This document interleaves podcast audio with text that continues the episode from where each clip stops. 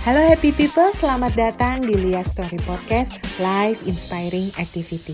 Episode kali ini diambil dari talk show radio dengan para womanpreneur hebat dengan berbagai bidang usaha yang berbeda.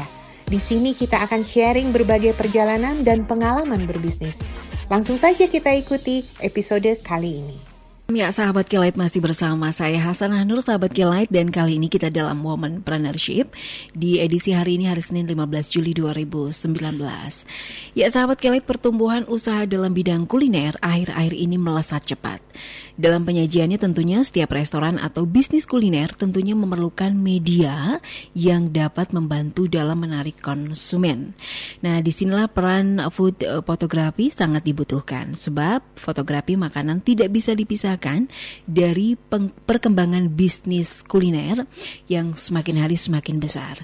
Nah, apa itu food fotografi dan bagaimana cara kerja bisnisnya? Nah, saat ini di studio telah hadir ada Teh Ocha yang sudah menekuni bisnis jasa food fotografi dan di studio juga telah hadir ada coach certified business Telia Fari. Saya ingin menyapa dulu narasumber kita sahabat Kelight di pagi hari ini. Uh, saya ingin menyapa Telia. Assalamualaikum Telia. Salam Teh Hasana dan selamat pagi buat Teh Ocha hari ini juga sahabat Kelight di rumah. Apa kabar nih Teh? Alhamdulillah selalu sehat dan selalu semangat pagi. Iya, oke. Okay. Dan ada Teh Ocha. Halo, selamat pagi Teh Ocha. Pagi Mbak. Apa kabar nih? Baik, alhamdulillah. Kita biasanya Teh Lia uh, yang hadir nih narasumbernya itu uh, apa ya? Narasumbernya biasanya bawa produk. Nah, sekarang, sekarang ini khusus untuk khusus. jasa. Nah, itu ya dia. jasa fotografi buat saya nanti berikutnya jangan anggap saya makanan ya, Mbak. Oh, okay. Walaupun food fotografi tapi hari ini khusus harus ada foto selfie-nya. Iya. Teh Lia dan Teh Hasan. Oh. Oke. okay. Saya sudah lihat sih di sini Instagram Teh Ocha. Aduh emang bener nih fotonya bagus-bagus banget nih. Nah, sebetulnya sejak kapan sih Teh Ocha tertarik dengan fotografi ini? Uh, khusus makanannya ya, mm-hmm. kalau khusus makanannya mungkin uh, sekitar lima tahunan kali ya. Mm-hmm. Uh, tapi sebelumnya sih memang sudah foto-foto, tapi belum uh, khusus tertarik ke foto makanan sih. Sebelum ini apa nih teh? Biasanya uh, apa ya objeknya apa? Objeknya, jadi dulu tuh awal-awal saya kan punya online shop, mm-hmm. uh, apa uh, jual fashion baju baju baju baju ABG baju baju muslim seperti itu jadi uh, karena jualannya online jadi saya kan butuh visual butuh foto nah waktu itu fotonya itu objeknya baju-baju mm. uh, dipakai di model atau digantung kayak gitu mm-hmm. dulu awalnya masih motretnya itu pakai handphone belum ada kamera nah semakin ke sini ke sini kayaknya kok butuh foto yang lebih bagus gitu untuk uh, apa dipasang di Instagram saya jadi uh, mulai beli ke kamera nah cuman uh, ya gitu lah mungkin jalannya tau-tau tertarik kok ke lihat foto makanan jadi tertarik mm -hmm. sampai akhirnya sekarang jadi malah profesionalnya ke profesinya menekuni bisnis foto makanan. Mm -hmm. Oke, okay. nah untuk uh, apa ya keahlian Teh Ocha ini sebelumnya memang ada basicnya nih Teh belajar dulu atau memang itu bakat alam aja gitu? Uh, kalau basic formalnya nggak ada, jadi hmm. uh, papa saya itu memang fotografer sih, fotografer hmm. tapi fotografer dokumentasi dulu dia suka motret-motret untuk dokumentasi. Hmm. Tapi dulu saya belum ada sama sekali, seingat saya saya belum sama sekali belum ada ketertarikan di fotografi. Hmm. Jadi uh, background uh, apa pendidikan saya juga uh, di sekolah pariwisata, manajemen perjalanan, jadi memang sama sekali nggak ada uh, nyambungnya sama fotografi. Uh, jadi ilmu foto saya itu memang uh, apa apa ya uh, belajar sendiri awalnya mm-hmm. karena ketertarikan uh, kan sekarang banyak ya media uh, untuk belajar bisa dari mana-mana dari buku dari Google apa macam-macam sampai terus akhirnya benar-benar uh, serius ambil kursus yang memang uh, formal untuk belajar uh, fotografi mm-hmm. gitu paling mbak. Oke. Okay. Yeah. Nah kalau tantangannya apa sih teh di jasa food fotografi ini? Tantangannya ya. Mm. Uh, tantangannya sih mungkin ya kalau uh, makanan-makanan ada beberapa makanan yang memang uh, susah sekali untuk ditampilkan menarik ya, Hmm. terutama makanan Indonesia tuh susah banget. Karena kan kayak misalnya kita mau motret gudeg gitu kan, Hmm. atau rendang yang warnanya tuh gelap kan makanan Indonesia rata-rata kayak Hmm. gitu ya, rawon gitu kan, itu susah banget gitu. Dibikin terang jadi nggak mateng nanti. Iya iya oh, gitu. Beda kalau kita mau motret makan western itu kan yang udah warna-warni kan kayak pizza atau pasta itu udah ada paprika merah kuning hijau itu udah bikin warna warnanya udah bikin kita tertarik. Tapi kalau makan Indonesia aduh itu PR banget sih. Tantangannya di situ sih. Tapi malah sebenarnya saya lebih seneng pingin mengangkat makanan Indonesia gitu kan. Jadi gimana caranya supaya karena kan mas, rasanya sebenarnya jauh lebih enak Iya. daripada western kan. Jadi ya itu tantangannya itu. Mhm. Oke. Oke, nah Teh, tadi kan kita sudah dengar nih bisnis dari eh, Teh Ocha ini eh, apa? Fotografi makanan nih. Nah, eh, bagaimana sih tanggapan Teh Lia terkait bisnis jasa fotografi untuk bisnis saat ini? Ya, eh, sebetulnya bisnis fotografi itu kan eh, kalau dibilang sekarang bisnis yang masih mungkin sedikit dilirik ya. Eh, yang khusus spesialisasi di food itu mungkin eh, orang masih tidak terlalu banyak atau orang belum mengetahui bahwa sudah banyak bahkan mungkin seperti itu. Eh, pelaku bisnis juga pada saat ini belum semuanya menyadari betapa pentingnya sebuah foto untuk menarik calon konsumen. Nah itu yang menjadi challenge sebetulnya di bisnis ini ya teh. Iya. Jadi eh, kalau kita bicara di Indonesia, Indonesia itu masih sangat dikuasai oleh bisnis yang small business atau yang kita sebut dengan bisnis mikro gitu ya. Nah bisnis mikro sendiri untuk menjalankan bisnisnya sebetulnya butuh dipush dengan tadi eh, promosi dan lain-lain yang tidak jauh dari tampilan sebuah produknya menjadi menarik. Tetapi mereka merasa bahwa eh, kayaknya buat eh, tenaga fotografi ke situ masih jauh deh teh gitu. Nggak nggak satu dua dua orang loh teh Ocha itu ngomong gitu ke saya gitu ya. Jadi pelaku UMKM tuh masih berpikir itu bisa dilakukan sendiri. Padahal yang disebut dengan food photography itu membutuhkan skills, membutuhkan talent tertentu. Kalau orang bilang bakat, mungkin ada bakatnya, tetapi bakat tidak akan menjadi menjadi ter- eh, kalau tidak diasah, dia tidak akan menjadi sesuatu yang bermakna gitu. Nah, eh, jadi eh, untuk para pelaku di luar sana ataupun untuk rekan-rekan yang mau memulai berbisnis, jadi harus mulai difikirkan bahwa memang eh, ada tuh posnya nanti khusus untuk food fotografi karena ini menjadi bagian penting bagaimana membranding dari eh, produk kita. Kemudian bagi para pelakunya sendiri, pelaku fotografi kalau hanya sekarang nanti menempatkan diri sebagai seorang fotografer, itu kompetitornya udah sangat banyak. Jadi fotografer tuh sekarang fotografer yang mana gitu ya. Sudah mengambil lagi hus- kekhususan lah, spesialisasi tertentu gitu. Bukan hanya dokter aja yang spesialis sekarang. Semua bidang juga ada spesialis. Nah, sekarang spesialisnya ada di mana? Nah, ini juga fotografer sekarang mulai mengambil spesialisnya. Kalau tadi Teh Ocha menyampaikan karena memang minatnya dan akhirnya sesudah menjajaki dan mencoba berbagai macam, akhirnya ternyata memang cocoknya ke situ. Untuk para fotografer atau calon fotografer di luar sana juga sama. Kalau bisa focusing deh di satu bidang, dalami di situ dan tetap jangan lupa bahwa kita ini adalah bisnis jasa. Bisnis jasanya kita itu harus ada calon konsumennya gitu ya. Jadi konsumen mana yang sebetulnya saat ini juga lagi banyak dan mereka membutuhkan tapi mereka belum menyadari betapa pentingnya uh, peran kita di situ. Di situ ada peluang besar. Oke. Tapi ini kalau bisnis jasa eh, food photography ini menjanjikan nggak sih Teh? Sebetulnya menjanjikan, menjanjikan banget sih kalau sekarang kita lihat uh, berapa prosentase yang punya bisnis kuliner gitu ya, itu sangat besar, apalagi di kota Bandung gitu ya. Nah, sekarang mereka mau bersaing tuh lewat mana? Orang kalau uh, beli itu bukan karena mereka sudah tahu rasanya, mereka itu membeli karena melihat dan terasa enak gitu ya. Jadi vi- visualisasi itu menjadi penting. Jadi eh, ini eh, peluangnya besar yang tadi saya bilang karena bisnis kuliner di Bandung itu sangat besar. Saya baru bilang Bandung loh ya, belum bilang Indonesia gitu. Terus kemudian bisnis yang kecil juga yang tadi UMKM yang bisnisnya fokus di makanan juga sangat-sangat banyak.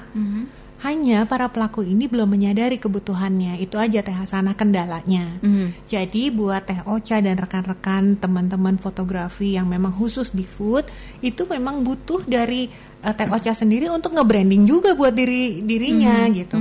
Bahkan mungkin sekarang eh, saya harus tanya juga Teh Ocha mau eh, sebetulnya nanti kliennya mau yang mana? Karena nanti akan ada yang bicaranya yang tadi kelas mikro kalau bicara eh, ini ya eh, kategori bisnis misalnya ataukah memang mau yang medium ataukah yang memang sudah kelasnya kelas yang eh, bisnis yang skala besar atau enterprise. Karena nanti juga akan bicara kemampuan mereka. Kalau bicara kemampuan mereka juga akan bicara honornya Teh Ocha kan gitu. Bagaimana nanti melayani ataukah Teh Ocha memang akan buka untuk semua tetapi nanti bikin paket-paket dengan harga-harga khusus itu pun bisa gitu.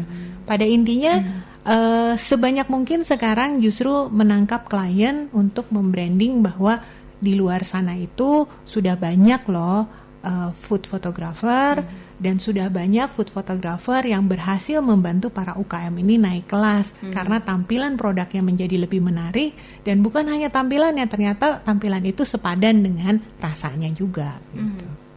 Nah, sekarang kalau tanggapan Telia terkait eh, food fotografi yang dikembangkan oleh Ocha ini gimana nih Teh? Ya ini sahabat Kelight kalau kita ngomongin ya eh, food fotografi itu jangan kebayangnya eh, nanti wajah-wajahnya saya sama Teh Hasana lagi selfie gitu ya nggak akan menarik itu sampai kapan pun. Tapi ini eh, ada Instagramnya nggak sih Teh? Ada Apa Instagramnya? eh, Rosalina underscore Rahma. Rosalina underscore Rahma. Dilihat deh sahabat Kelight, saya sendiri yang sedang melihat ini eh, tampilannya luar biasa. Saya bahkan ada beberapa dari foto-foto yang Teteh tampilkan, saya tidak da- nggak berpikir di awal bahwa ini hasil karya dari eh, Indonesia loh.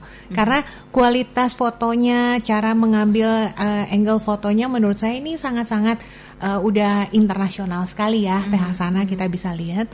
Dan eh, dari yang Teh Ocha tampilkan tadi, sebetulnya kalau di kepala saya nih Teh Hasana, membuat sebuah makanan ya untuk dirasakan enak gitu ya, ditampil makanan yang enak aja kalau ditampilin belum tampak enak lah gitu, gampangnya gitu kan. Ini gimana coba Teh Ocha itu bisa membuat tampilan makanan itu terasa enak dan lebih enak dilihat dibandingin dirasain gitu. itu kan saya tuh kalau ngelihat fotonya Teh Ocha itu tadi ini kayaknya kelihatannya jauh lebih enak daripada ketika saya rasain. gitu. Itu PR berat loh.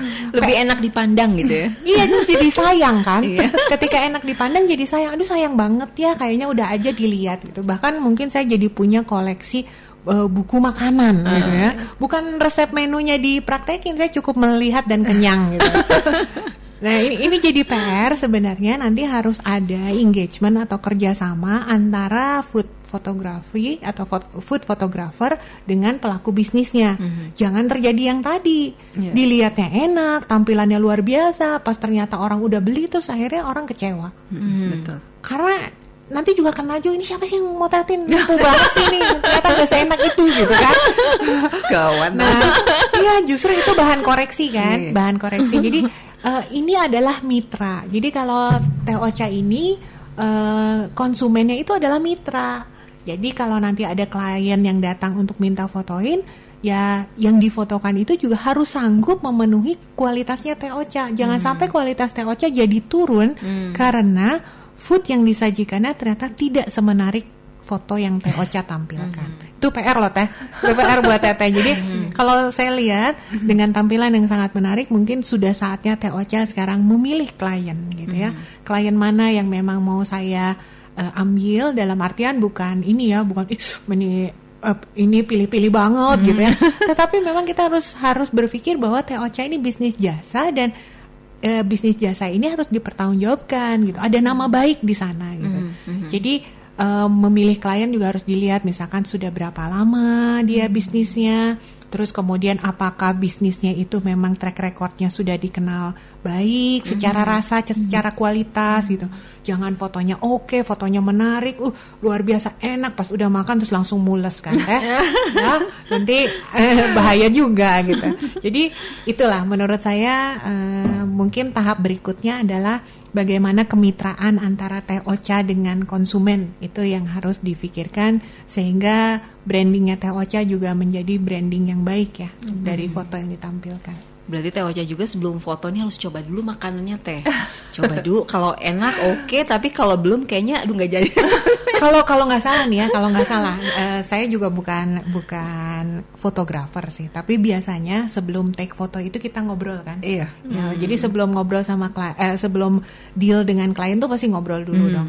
Maunya dia apa, terus sebetulnya kemampuan dia seperti apa, segala macam. Nah uh, barangkali itu yang nanti harus ada skripnya gitu ya skrip hmm. itu yang menghasilkan sebuah foto itu yang tidak terlalu jauh lah ya tidak terlalu jauh misalkan kayak tadi oh, oke okay, dia uh, bisnisnya adalah bisnis makanan tradisional hmm. saat ini dia adalah usahanya usaha mikro gitu ya dan kliennya dia adalah banyaknya dari kelas yang mana mungkin suasana itu hmm. tampilan itu yang kita kita keluarkan sehingga konsumen juga atau orang yang ngelihat foto tuh sudah terasa oh ini makanan daerah hmm. oh makanan daerahnya adanya di kaki lima gitu ya tapi tetap enak tetap bersih tetap apa mungkin itunya ya teh iya. tapi hmm. ketika ada lagi misalkan makanan daerah yang sifatnya ada di hotel kelasnya udah kelas uh, bintang 5 ke atas pasti teh Ocha juga menampilkannya dengan yeah. story yang lain hmm, gitu. Betul. Itu sebetulnya yang menjadi penting dan itu yang membuat akhirnya klien akhirnya datang karena ada image-nya dia di foto walaupun sayanya nggak muncul di belakang bawa bawa makanannya ya, hmm. ya dengan wajahnya muncul tapi orang tahu pasti oh ini kayaknya makanannya Teh Lia deh hmm. ini pasti dari restorannya Teh Lia gitu hmm. uh, ciri khas itulah yang sebetulnya akan membuat nanti bisnis Teh Ocha menjadi bisnis yang selalu dikejar oleh calon mitra. Kalau saya bilang mitra teh bukan hmm. konsumen karena bisnis kita di bisnis jasa ya. Hmm. Nah, Oke, okay, Teh Ocha. Nah, sekarang kita pengen tahu teh cara Teteh memasarkan diri sebagai food fotografi ini seperti apa nih Teh?